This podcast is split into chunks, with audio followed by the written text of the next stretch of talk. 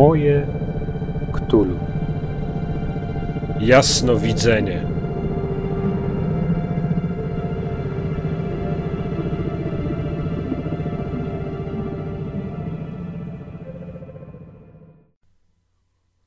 Cześć, jestem Kacper i witam Was w podcaście Moje Ktulu. Moje Ktulu to podcast dla graczy i strażników tajemnic, którzy chcą poszerzyć i pogłębić wymiar nadnaturalnej grozy na swoich sesjach w Zew Cthulhu, RPG, ale także miłośników literackiej grozy Howarda Phillipsa Lovecrafta i jego naśladowców, która znajduje różne swoje emanacje w grach komputerowych, karcianych, planszowych i w innych niż Zew Cthulhu grach fabularnych.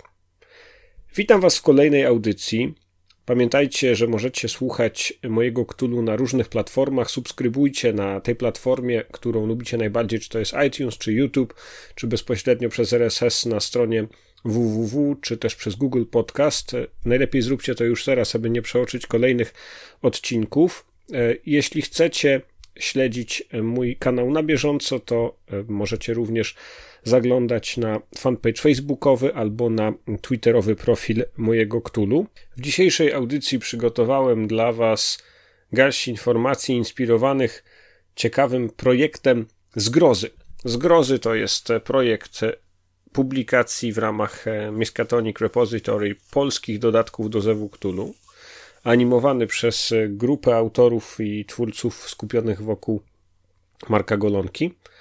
Mamy już w tej serii pierwsze dwie publikacje, które zrecenzuję dla Was w dzisiejszej audycji, a inspirując się motywami jasnowidzenia i przepowiadania przyszłości, które występują w pierwszej z nich, to znaczy w powidokach przyszłości, postanowiłem tę audycję poświęcić Stefanowi Ossowieckiemu, słynnemu polskiemu jasnowidzowi, medium, badaczowi zjawisk paranormalnych z lat 20. i 30., który był postacią zarówno rozpoznawalną publicznie i bardzo sławną w latach 20. i 30., ale też e, po prostu bardzo ciekawą osobowością z perspektywy historycznej, która nam daje pewne wglądy w to, w co wierzyli, czego oczekiwali, czego poszukiwali Polacy dwudziestolecia międzywojennego, jaki stan duchowy, jaki stosunek do okultyzmu, do zjawisk e, parapsychologicznych i wszelkich kwestii paranormalnych wtedy był dominujący. W dzisiejszej audycji mamy też oczywiście tradycyjnie elementy muzyczne. Postanowiłem zilustrować dzisiejszy temat e, dwiema ścieżkami z albumu Squire Tax Soundtracks for the Soul, wydanego w ubiegłym roku przez e, twórcę Squire Tak. Jest to e, muzyka bluesowa i przygotowałem dla Was dwie ścieżki z tego albumu. Pierwsza to A Long Hard Winter Homeless and Alone, druga Ever Loving Blues. Mam nadzieję, że nastroi Was na odpowiednio do odbioru tego odcinka mojego podcastu. Bez zbędnych wstępów zapraszam Was do słuchania. Jasnowidzenie. Zaczynamy.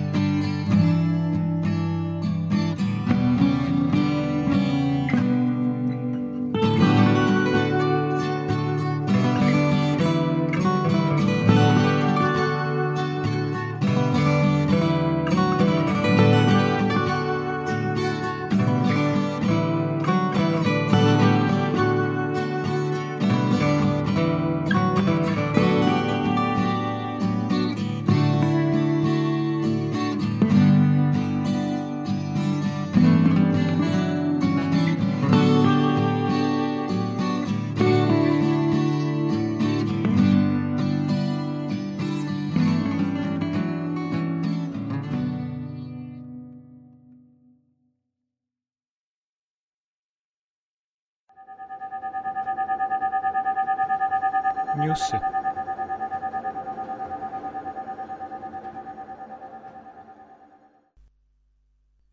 W dzisiejszych newsach skupię się w zasadzie wyłącznie na sprawach fanowskich, dlatego że mm, w poprzednim wydaniu mówiłem więcej o kwestiach wydawniczych i oficjalnych zapowiedziach, ale wydaje mi się, że nieco zaniedbałem kwestię społeczności. Na pewno najważniejszym wydarzeniem ostatnich dwóch tygodni jest e, premiera dwóch pierwszych tomów w cyklu Zgrozy, to znaczy w tym polskim projekcie dodatków do Zewu Cthulhu publikowanych oficjalnie na DriveThru w ramach programu Miskatonic Repository, czyli fanowskiego programu publikacji, e, fanowskiego programu wydawniczego wydawnictwa Chaosium.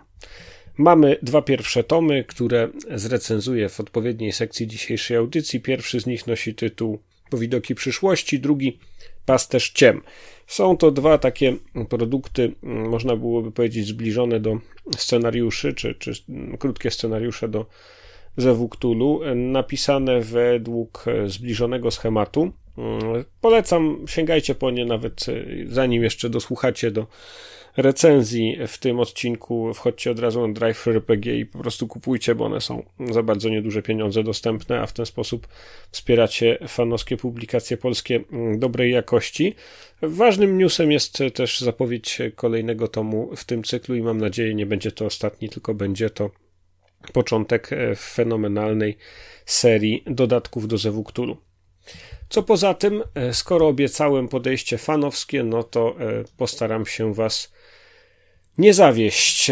Co tam słychać na YouTubie? E, mamy nowe publikacje, jeśli chodzi o e, Actual Play, bo mamy chociażby na kanale e, Tenebris RPG, o którym już wcześniej wspominałem, trzy odcinki Kronik Młodego Ernesta. To jest grubo ponad 4 godziny nagrań z sesji które są w kampanii Dzień Bestii, którą możemy śledzić na profilu Tenebris RPG, wątkiem pobocznym.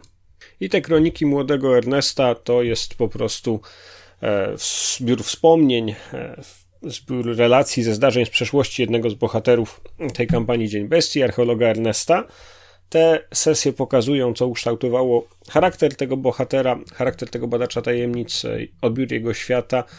Tego typu Flashbacki czy retrospektywy zresztą e, twórcy tego kanału zapowiadają, że będą się jeszcze pojawiać. E, mamy mm, poza tym na kanale naczelnego Ktulysty, czyli Adama Wieczorka, podsumowanie Karkosakonu. Mm, prawie 7 minut bardzo syntetycznej, osobistej relacji z tego wydarzenia. Ciekawe jako inny punkt widzenia w stosunku do relacji, którą w poprzedniej audycji mm, w podcaście Moje Ktulu przedstawiła Maria Mary Piątkowska. Jeśli jeszcze nie słuchaliście, to wyszukajcie audycję numer 20 Skarby Orientu i tam w sekcji newsowej jest relacja z Karkosakonu właśnie Marysi Piątkowskiej.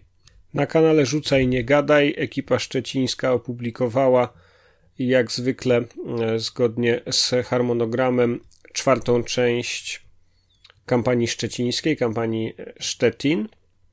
Tym razem jest to e, krótkie nagranie, więc e, możemy poczekać, aż ukaże się kolejne. Jest to po prostu dokończenie sesji czwartej, czwarta jej część, czyli mamy już w tej chwili e, w kampanii szczecińskiej poza sesją 0 cztery sesje nagrane i czekamy na ciągi dalsze.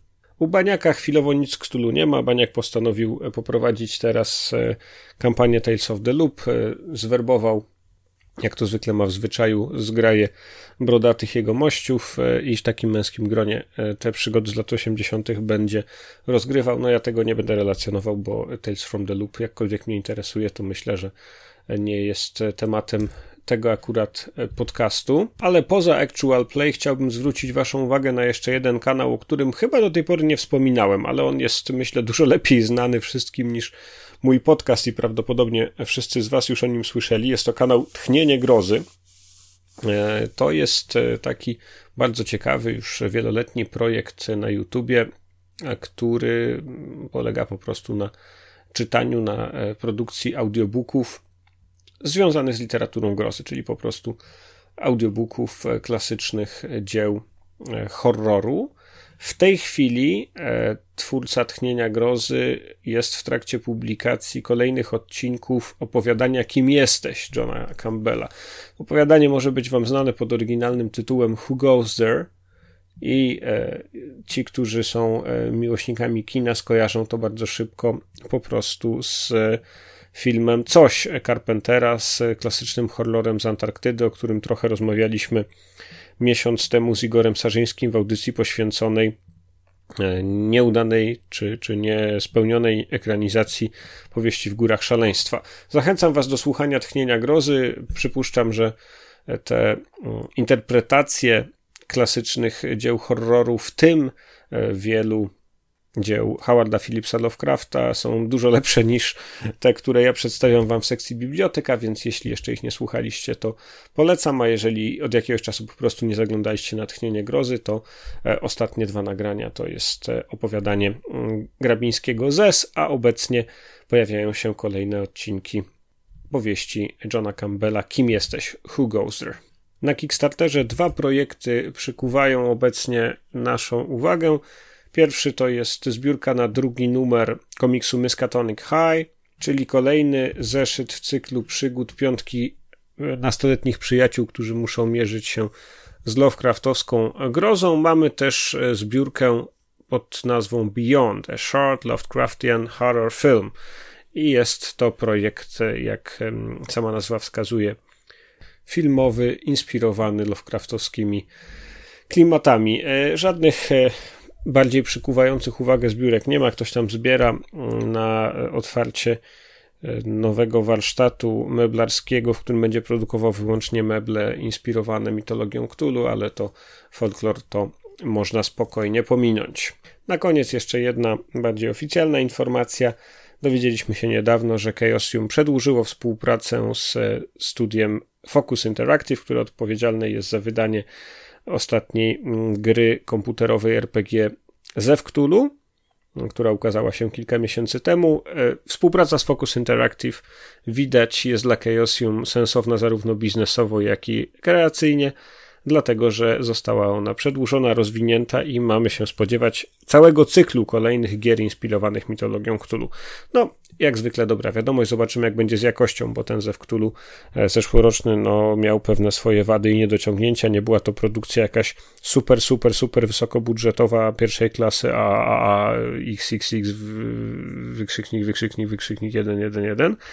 E, była to raczej produkcja, która miała swoje mankamenty, właśnie od strony budżetowej, czy jeśli chodzi o dopracowanie. No ale skoro obie strony są zadowolone, to nie możemy im zabronić, wręcz należy się tylko cieszyć, że więcej tych gier inspirowanych mitami Cthulhu będzie. Ale pamiętajcie, że w tej chwili e, trwają prace nad dwiema grami, o których może za dwa tygodnie troszkę więcej powiem, dwiema grami komputerowymi, które są bardzo mocno w Lovecraftowskich klimatach osadzone, a wcale nie są realizowane na licencji Call of Cthulhu e, od Chaosium. I one też zasługują na uwagę, może nawet okażą się lepsze. Tyle jeśli chodzi o newsy na dziś. Za dwa tygodnie wrócimy znów do planów wydawniczych i mam nadzieję, że również po Pyrkonie będziemy mieli coś do relacjonowania, jeśli chodzi o plany Black Monków, jeśli chodzi o plany Chaosium i jeśli chodzi o plany czy postępy różnych innych wydawnictw, na przykład Egmontu nad komiksami.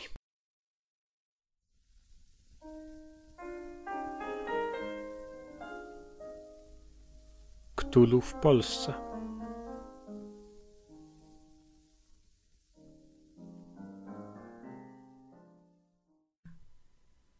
Każdy, kto interesuje się historią dwudziestolecia międzywojennego w Polsce, wie, że tamte czasy obfitują w różnego rodzaju sensacyjne, tajemnicze, często zagadkowe historie, w które wplątani są, czy z którymi związani są ludzie u szczytów władzy, no i oczywiście, jeżeli w jakiejś sprawie pojawiają się nazwiska Paderewskiego, Piłsudskiego, mm, Sosnkowskiego, czy członków ówczesnej elity kulturalnej Szymanowskiego, Osterwy, Schillera, czy też innych, to one w naturalny sposób przyciągają silniej naszą uwagę. Jedną z osób, która łączy wszystkie te nazwiska, a także wiele innych, która w swoje życie, swoją działalność swoją osobowość medialną potrafiła wciągnąć i zafascynować sobą, jest e, Stefan Osowiecki. Stefan Osowiecki znany jako jasnowic, jako ekspert w sprawie zjawisk paranormalnych, jako jedna z najsilniejszych, najbardziej charyzmatycznych, najbardziej fascynujących osobowości dwudziestolecia. Osowiecki uważał się za obdarzonego zdolnościami telepatycznymi, telekinetycznymi, za e, zdolnego do postrzegania aury, do przebywania poza ciałem, a czasami wręcz do jakiejś formy teleportacji czy bilokacji. Był osobą znaną w środowisku i organizowane przez niego seanse, organizowane przez niego pokazy przyciągały osoby stojące najwyżej w hierarchii państwowej. Świadkami i organizatorami wydarzeń z jego udziałem, prezentacji jego mocy, a jego szczególną, sztandarową e, zdolnością i elementem jego pokazów było odgadywanie zamkniętych w kopertach rysunków i odrysowywanie ich przez e, wyczucie ich, jak on to określał, energii czy ducha po dotknięciu koperty, w której one były zapisane. To takich właśnie pokazów organizował bardzo wiele i wręcz e, dbał o to, aby zawsze obecni byli przedstawiciele nauki, lekarze, fizycy, matematycy, którzy w dodatkowy sposób dodawali wiarygodności jego działalności. A zdolności miał rzeczywiście zdumiewające, czy w każdym razie potrafił w zdumiewający sposób prezentować swoje przypisywane sobie e, paranormalne kompetencje.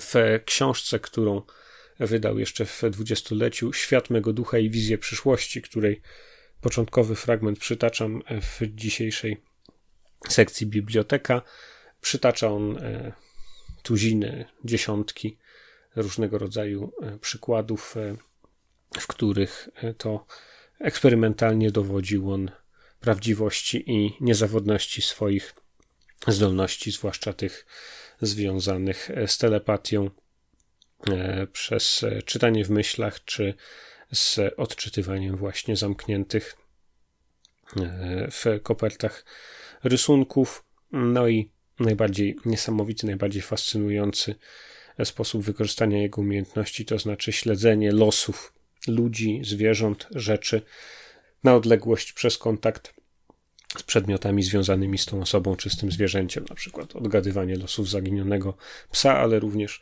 bardziej spektakularne, bardziej niesamowite historie, tak jak e, wtedy, kiedy e, Osowiecki w 1937 roku miał przyczynić się do wskazania miejsca katastrofy polskiego samolotu, w której zginął podporucznik Tadeusz Moszyński w górach w Bułgarii.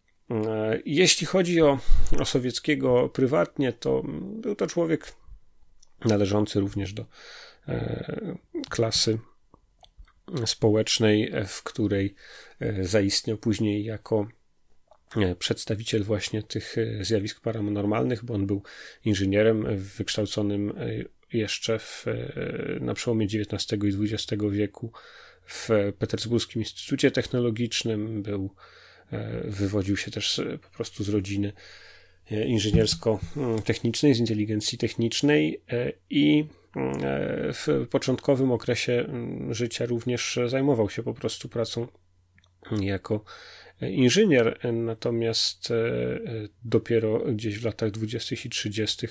jego sława rośnie do takich rozmiarów, że można powiedzieć, główną domeną jego życia stają się wszelkiego rodzaju pokazy, eksperymenty i zamawiane usługi w zakresie jasnowidzenia czy telepatii i telekinezy.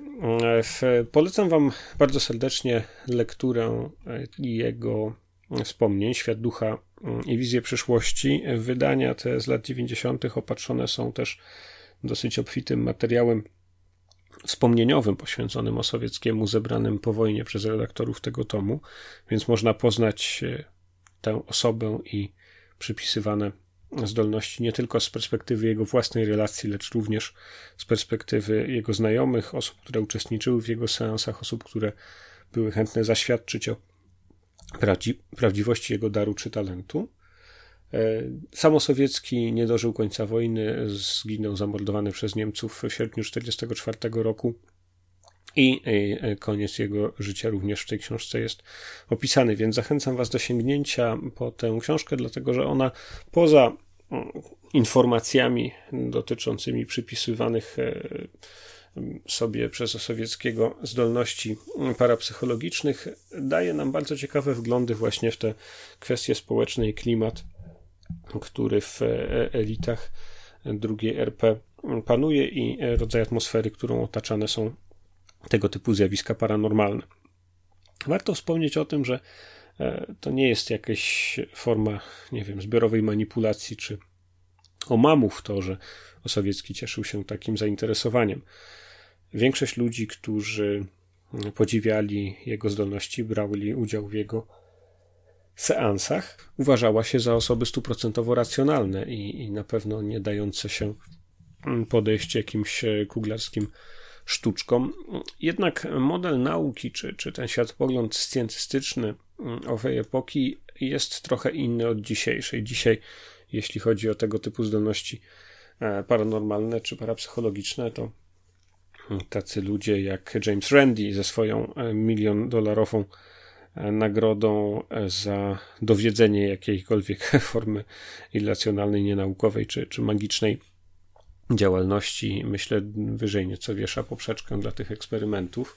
E, I metoda naukowa też można powiedzieć została na przestrzeni tych dziesięcioleci udoskonalona, ale tamci ludzie, którzy byli rówieśnikami czy, czy osobami współczesnymi o sowieckiemu, wzrastali w trochę innej definicji scjentyzmu i trochę innej definicji nauki, więc oni mogli mieć e, absolutnie jak na owe czasy pełne poczucie, że dochowują najwyższej staranności przeprowadzając te eksperymenty i że po prostu znajdują dowody na prawdziwość daru i talentu sowieckiego. Z dzisiejszej perspektywy, gdybyśmy mieli dostęp do tej osoby, prawdopodobnie można byłoby nieco bardziej krytycznie i nieco e, bardziej wymagający sposób e, ocenić te e, zdolności, które on prezentował, ale że nie możemy tego już zrobić, to to, co nam pozostaje, to czytać z, ze zdziwieniem czy, czy ze zdumieniem o, o tych jego dokonaniach czy eksperymentach, w których brali udział, jak już wspomniałem, ludzie tacy jak marszałek Piłsudski czy, czy Ignacy Paderewski. E, pomagał on nawet e, niektórym badaczom i, i tak jak dzisiaj jacyś jasnowidze typu e, Jackowski coś tam niby próbują mm, wspomagać policję w, w pracy. Mam nadzieję, że to są tylko takie bulwarowe historie, że policja rzeczywiście nie korzysta z usług żadnych jasnowidzów, tak na serio, a w każdym razie na pewno za to im nie płaci. No ale w owych czasach wyglądało to nieco inaczej. I to mi się wydaje być taką główną zahaczką, którą warto byłoby wykorzystać w waszych sesjach w Zewie Ktulu, jeżeli zwłaszcza sadzacie je w Polsce, ale w każdym innym otoczeniu również. Jest to też klasyczny motyw Lovecraftowski.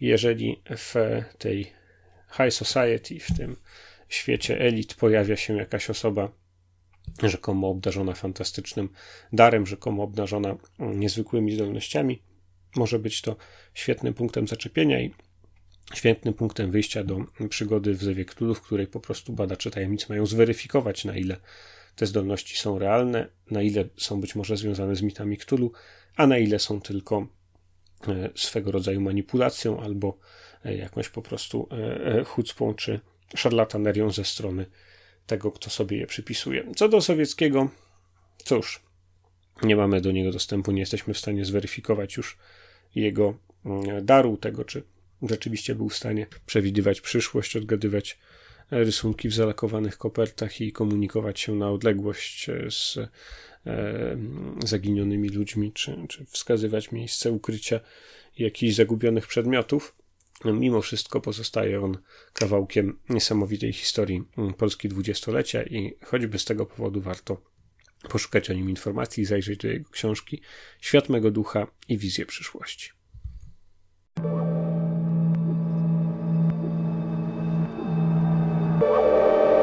Recenzja.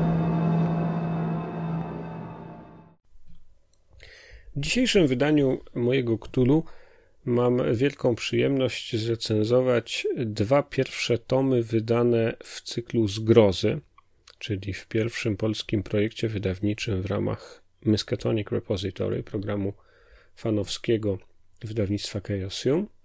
Dziękuję bardzo za udostępnienie egzemplarzy recenzenckich twórcom tego cyklu, jego autorom. Mamy od 13 kwietnia możliwe do ściągnięcia, możliwe do pobrania z Drive RPG dwie pierwsze książeczki, to znaczy scenariusz Powidoki przyszłości i scenariusz Pasterz Ciem. W czym one są podobne do siebie, czym się różnią? Co zwraca uwagę na pierwszy rzut oka? Pierwsza rzecz to jest przede wszystkim staranność wydania. Pewnego rodzaju wysoka kultura edytorska i kultura plastyczna, która stoi za tym projektem i która już sama w sobie zachęca do tego, żeby śledzić zgrozy i żeby interesować się kolejnymi publikacjami. Mamy tutaj bardzo fajną oprawę graficzną, wszystko jest czytelne, jeśli chodzi o typografię, to również nie ma żadnych głupich eksperymentów, jest to przygotowane w sposób łatwy mm, w odbiorze, mm, tekst jest dobrze rozdysponowany na stronach i jest to projekt autorski, e, również jeśli chodzi o ilustrację. E, obie książeczki są e, niezbyt dużo objętościowo, dlatego że Pasterz Ciem liczy 15 stron, a Powidoki przyszłości stron 14. Natomiast mogę śmiało powiedzieć, że mm, nawet w porównaniu do starych profesjonalnych wydań z epoki Maga, e, wtedy kiedy ze Cthulhu się ukazywał jego piąta edycja, to jak na twórczość fanowską jest to po prostu wysokiej klasy e, wydanie. E, mówię tutaj zarówno o pierwszej książce, jak i o drugiej. Nie ma tutaj zauważalnych od razu usterek korektorskich, pomijając jedynie może coś, co jest chyba bardziej żartem, to znaczy błąd w słowie korekta w stopce redaktorskiej i jakieś tam brakujące linki, ale w tym, co jest głównym tekstem, naprawdę nie ma żadnych usterek ani redaktorskich, ani e, korektorskich, i to już samo w sobie świadczy o tym, że ktoś tutaj się postarał. Wszystko jest dopracowane. E, jeśli chodzi o układ, e, strukturę tych scenariuszy, a one są do siebie bardzo podobne, to również struktura jest przemyślana, dlatego że mm, scenariusze te składają się z czterech części. Tła wydarzeń, motywacji, e, które mają pchnąć badaczy tajemnic na ścieżkę śledztwa, opisu intrygi, czyli o co w zasadzie w tym scenariuszu chodzi, i śledztwa. Warto dodać, że w przeciwieństwie do bardzo, bardzo wielu opublikowanych scenariuszy do Zewu te mają strukturę w zasadzie otwartą i nie narzucają żadnej takiej tramwajowej, czy jak to się mówi z angielska, railroadowej ścieżki, którą badacze mają podążać, żeby rozwiązać zagadkę. Co więcej, jeśli chodzi o pasterza ciem, e, to nie spoilując tutaj, mm, co tam dokładnie e, i w tym scenariuszu jest, o co tam chodzi, jaki tam jest przeciwnik, to mamy również e, takie typowo Lovecraftowskie dylematy, czy tragiczne położenie badaczy tajemnic, którzy mogą wcale nie tak łatwo, e, jeśli w ogóle znaleźć jakieś ludzkie i sensowne wyjście z sytuacji, w której się znajdują. Scenariusze e, oba oparte są na wątkach metafizycznych. Jeden jest e, oparty na tropie właśnie jasnowidzenia czy, czy przewidywania przyszłości, drugi z nich natomiast na mm, takich wizyjnych, wtłaczających się do głowy obrazach, które wpływają na mm, poczytalność, które E, spychają nas w stronę obłędu właśnie w objęcia e, groźnych istot czy mm, bóstw e, mitów Cthulhu. I tutaj również można powiedzieć, autorzy nie poszli na skróty, jest to praca wykonana rzetelnie. Obie te publikacje dostępne są za dolara na Drive RPG do pobrania i e, zostały przygotowane przez twórców zarówno w wersjach pełnokolorowych, e, takich bardziej atrakcyjnych plastycznie, jak i w wersjach do wydruku. Nic dziwnego, że mm, tak niedroga pozycja w języku polskim wydana w tym oficjalnym programie wydawniczym Chaosium. Cieszy się już e, w chwili, kiedy nagrywam te słowa statusem srebrnego bestsellera na drive-thru RPG, a jeżeli coś e, uzyskało status srebrnego bestsellera, to znaczy zostało pobrane setki razy już na mm, drive-thru e, i warto dodać, że nie każdy fanowski dodatek i na pewno nie każdy dodatek z serii Miskatonic Repository taki status osiągnął. Jaki wydam werdykt, jeśli chodzi o powidoki przyszłości oraz pasterza ciem? E, no troszkę mi tutaj e, ręka drży, dlatego że to jest naprawdę cacko i to mm, jeszcze dobrze rozpisane, dobrze opracowane. I Szczerze mówiąc, jest to po prostu pierwsza oryginalna publikacja do Zewu Cthulhu siódmej edycji w języku polskim, która ukazuje się oficjalnie. Zwróćcie uwagę, starter do Zewu Cthulhu wydany przez Black Monków jest po prostu tłumaczeniem startera angielskiego. To oczywiście niczego nie umniejsza, jest to e, świetne, bardzo potrzebne i dużo dobrego zrobiło dla naszej gry, ale powidoki przyszłości i pasterz ciem to są pierwsze jeszcze przed realizacją, jeszcze przed publikacją materiałów sfinansowanych ze zbiórki na Wspieram to przez wydawnictwo Black Monk. Są to pierwsze polskie dodatki do siódmej edycji ze Cthulhu, które ukazują się w szerokiej dystrybucji. Także e, ocena, którą wydaje, ocena bardzo dobra, pełna piątka jest tutaj, myślę, e, i zasłużona i wydana z pewną świadomością doniosłości tego mm, tematu i doniosłości tego sądu. Marku i cała ekipa z życzę Wam wielu takich kolejnych tomów. Życzę Wam, aby zgrozy miały wielu czytelników i abyście dostawali pozytywny feedback z drużyn, które rozegrają te scenariusze. Polecam zdecydowanie. E, zainteresujcie się zakupem. To przecież tylko niecałe 4 zł za egzemplarz, a naprawdę warto zaopatrzyć się w powidoki przyszłości i pasterza ciem z serii zgrozy.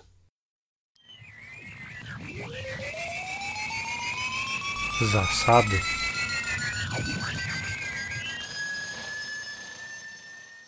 W dodatku The Grand Grimoire of Cthulhu Mythos Magic, którym posiłkowałem się już nieraz przygotowując audycję na podcaście Moje Ktulu znajdujemy aż 12 czarów, które dotyczą jakichś e, manipulacji czasem i jakiegoś rodzaju prób podróży w czasie, czy w przeszłość, czy w przyszłość, czy e, e, jakichś uzyskiwania wglądów lub wizji, jeśli chodzi o właśnie naginanie upływu czasu i manipulowanie nim. Z tych dwunastu czarów wybrałem do omówienia dzisiaj zaklęcie Brama Czasu, Time Gate, opisane na stronie 179, e, dlatego że jest to w zasadzie spełnienie marzeń czy spełnienie mm, ambicji do stworzenia stabilnej i e, takiej, na której można polegać bramy pozwalającej do podróżowania w przeszłość lub w przyszłość. Zaklęcie to jest e, analogiem zaklęcia stworzenie bramy, czyli gate i e, podobnie jak tam kosztem wydanych punktów mocy na stworzenie oraz wydanych punktów magii na skorzystanie można przy pomocy właśnie tego zaklęcia podróżować w czasie. E, zarówno jeśli chodzi o wektor e, e, wstecz, jak i jeśli chodzi o wektor w przyszłość. Na czym to polega?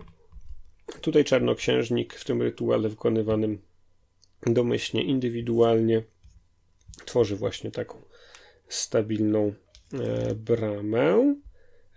Jeżeli jest to zaklęcie rzucane w ramach tak zwanego Deeper Magic, czyli zaklęcie wzmocnione, czy w związku z udziałem jakiejś stoty z Panteonu Mitów, czy jakiejś szczególnej wersji tego zaklęcia dostępnej w tych najcenniejszych, najbardziej mrocznych grymuarach magii mitów Cthulhu, to jest e, wręcz możliwość e, stworzenia bramy, która prowadzi do różnych miejsc w czasie, pozwalającej podróżować na przykład z użyciem tej samej bramy w przeszłość lub w przyszłość, w zależności od woli rzucającego to czarnoksiężnika. Taka brama wielofunkcyjna ma też tę zaletę, że ona bez e, udziału klucza, czyli bez udziału tego, kto ją stworzył, e, losowo przenosi użytkownika w przeszłość lub w przyszłość, więc w pewnym sensie jest zabezpieczona i jeśli taka brama byłaby drogą ucieczki mm, dla jakiegoś maga, to miałby on mm, pewną szansę, że e, zanim nikt z tej bramy nie skorzysta i nie będzie w stanie go ścigać przez czas. Do tego zaklęcia na stronie 180 jest specjalna tabela, która pokazuje, ile trzeba wydatkować punktów mocy, ile trzeba wydatkować punktów magii, żeby stworzyć lub korzystać z bramy e, o określonym, zadanym interwale czasowym. E, I mamy tutaj bardzo dużą rozpiętość, dlatego że taka brama stworzona za 5 punktów mocy pozwala przemieszczać się w te lub nazad e, zaledwie o godzinę, ale jeżeli udałoby się zebrać, co oczywiście jest e, na granicy czy ponad możliwościami pojedynczego maga, e, znacznie większą liczbę punktów mocy wydatkowanych, spalanych na potrzeby tego jednego zaklęcia, to już przy pomocy 35 punktów mocy można mm, przenosić się o 100 lat w przyszłość lub 100 lat wstecz, a jeśli będzie to 50 punktów magii to nawet do 10 milionów lat, no i, i, i tak dalej, wręcz o miliardy, czyli można spokojnie przy pomocy tego zaklęcia przenieść się do czasów, kiedy e, wszechświat został stworzony, czyli gdzieś tam e, w wielkim wybuchu, w tym atomowym chaosie wyłonił się zapewne mm, Azatot i e, stąd mm, przez bramę i klucz, czy przez sfery Joksotota czy przez różnych e, bóstw, e, bogów zewnętrznych działalność został świat stworzony i rozpędzony. To ciekawe zaklęcie, mm, tak jak mówię, jedno z dwunastu, które jest w zakresie manipulacji czasem. Mamy w tym grymuarze autorstwa Make'a Masona i Matthew Sandersona inne zaklęcia, również takie związane z typowym jasnowidzeniem, ale wydaje mi się, że omówienie akurat tego w kontekście powidoków przyszłości, czyli w kontekście jasnowidzenia i w kontekście prognoz przyszłości oferowanych przez Stefana Osowieckiego pokazuje, że mity Cthulhu zdolne są do e, przeniknięcia tych nawet fizycznie niemożliwych granic pomiędzy przeszłością a, a przyszłością do zawieszenia czy zakwestionowania znaczenia i funkcji czasu, że po prostu przy pomocy magii mitów Cthulhu można zrobić to, co inaczej byłoby niemożliwe. Życzę Wam, abyście na swoich sesjach przygotowali dla graczy pułapki związane z tego typu bramami. Pamiętajcie, że wszelkie podróże w czasie e, są bardzo dobrą okazją do wprowadzania ogarów e, Styndalos. To mam nadzieję, że są istoty Wam dobrze znane, zarówno z literatury, jak i z Waszych sesji, a to zaklęcie, to znaczy brama czasowa, brama czasu, e, może się przydać e, jako zarówno element fabularny związany z postacią jakiegoś BNA maga, który taką bramę tworzy, jak i w ekstremalnym wariancie również można oddać je do użytku bohaterom graczy, jeżeli będą gotowi na poniesienie e, ofiary związanej ze stworzeniem tego wyjątkowego portalu, albo po prostu istnienie stabilne takiej bramy może być samo w sobie zalążkiem lub sednem wręcz jakiegoś scenariusza, który będziecie chcieli napisać.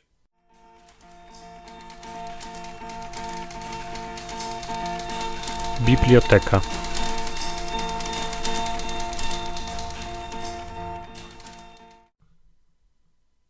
Stefan Osowiecki Świat mego ducha i wizje przyszłości.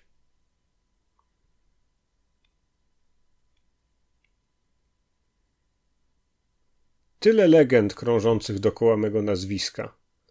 Tysiące doświadczeń, które zrobiłem, i te najróżniejsze plotki, jakie snują się na powierzchni świata okultystycznego, a także wśród szerokich mas społeczeństwa, zmusiły mnie do napisania kilku słów prawdy o sobie. Chcę wprowadzić wszystkich w mój świat, pokazać filmy moich myśli i zostawić po sobie zebrany materiał z moich eksperymentów, wyłącznie tych, które są zaprotokołowane przez ludzi godnych zaufania. Te pierwsze moje słowa poświęcam nowej nauce metapsychiki. Będę szczęśliwy, jeżeli stanę na wysokości zadania, jeżeli uda mi się dodać cośkolwiek nowego do skarbnicy od dawna zbieranych i zebranych materiałów, jakie powinny już rzucić trochę światła na ten wielki, potężny świat i na jego dziedziny, których nie widzimy i nie odczuwamy z powodu naszych zbyt ograniczonych zmysłów. Na świat o wiele ciekawszy, który egzystuje, w którym żyjemy i z którym jesteśmy ściśle związani. Rozpoczynam, starając się, o ile tylko będę mógł, wprowadzić czytelnika na płaszczyznę moich odczuć i poglądów. Pisać będę dostępnie, prosto, by każdy zrozumiał. Powiem o tym, co osobiście odczuwam, tak jak się wszechświat w mojej świadomości odbija i jak się przez moją odrębną intuicję objawia.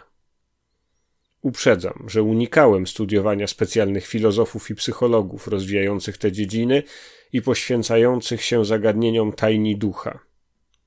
Staram się iść przez życie własną drogą. Wierzę, że stoję na gruncie rzetelnym i pewnym, a piszę to, w co sam mocno wierzę. Lecz zanim rozpocznę księgę własnych przeżyć, nie mogę nie wspomnieć o kilku bliskich mi ludziach, przyjaciołach, którzy w moim duchowym życiu odegrali poważną rolę i wywarli na mnie wielki wpływ. Wyrażam im z całego serca Bóg zapłać. Podaję ich nazwiska. Są to profesor Charles Richet, profesor Gustave Gelet i poeta Józef Jankowski. Pisałem tę książkę rzutami, które z głębin mego ducha wyrywały się pod brzemieniem wielkiego cierpienia.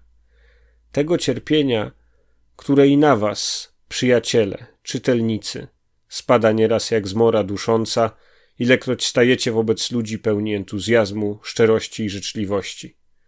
Ponad miarę szablonu, szarzyzny i nudy życia. Ból stworzył tę książkę. Powinna by ona tedy ukazać ludziom drogę do opanowania bólu świata. I to już wszystko w dzisiejszym wydaniu podcastu Moje Ktulu. Dzisiaj E, ślizgając się po różnych tematach związanych z przewidywaniem przyszłości czy jasnowidzeniem, omówiliśmy ważne wydarzenie, którym jest premiera dwóch pierwszych pozycji w cyklu Zgrozy w Miskatonic Repository, ale też mam nadzieję zaczęliśmy ciekawy temat jasnowidzenia, odgadywania, prorokowania, który pewnie nieraz tutaj jeszcze zagości i powróci. Mam nadzieję, że ten odcinek Wam się podobał. Jeśli tak, to subskrybujcie e, i śledźcie ten podcast na platformie, której używacie do słuchania podcastów. Bardzo Wam dziękuję za uwagę. Mogę zrobić zapowiedź, jeśli chodzi o kolejne odcinki. Wydaje mi się, że na najbliższy mm, odcinek lub dwa zrobimy sobie jeszcze małą przerwę od e, gości w podcaście Mam e, ciekawych gości e, umówionych w najbliższym czasie, ale zanim te audycje przygotuję, to chwila minie. Mam dla tych, którzy czekają na Cthulhu Dark Ages dobrą wiadomość. Udało mi się w sumie po kilku miesiącach prób i poszukiwań znaleźć ciekawego rozmówcę, który nas w zagadnienia tych początków państwa polskiego i różnych mrocznych wątków z tym związanych wprowadzi, ale uzbrójcie się w odrobinę cierpliwości. Zanim to nastąpi, to w najbliższych dwóch odcinkach będę się pochylał nad nowościami wydawniczymi, które wręcz proszą o to, żeby się nimi zająć, czyli nad Samotnie przeciwko ciemności wydanym mu przez e, Black Monków i nad podręcznikiem berlińskim Berlin The Wicked City e, wydanym przez e, Chaosium, które to czekają w kolejce na zrecenzowanie, więc muszę w pierwszej kolejności tym się zająć jako nowościami, żebyście wiedzieli, co w trawie piszczy, co warto zakupić, czym warto się zainteresować. Jeszcze raz dziękuję za uwagę. To na dziś wszystko. Pozdrawiam Was serdecznie z ostępów Izabelińskiej Puszczy. Życzę dobrej nocy. A na pożegnanie jeszcze jeden utwór z płyty Squire Tack Soundtracks for the Soul.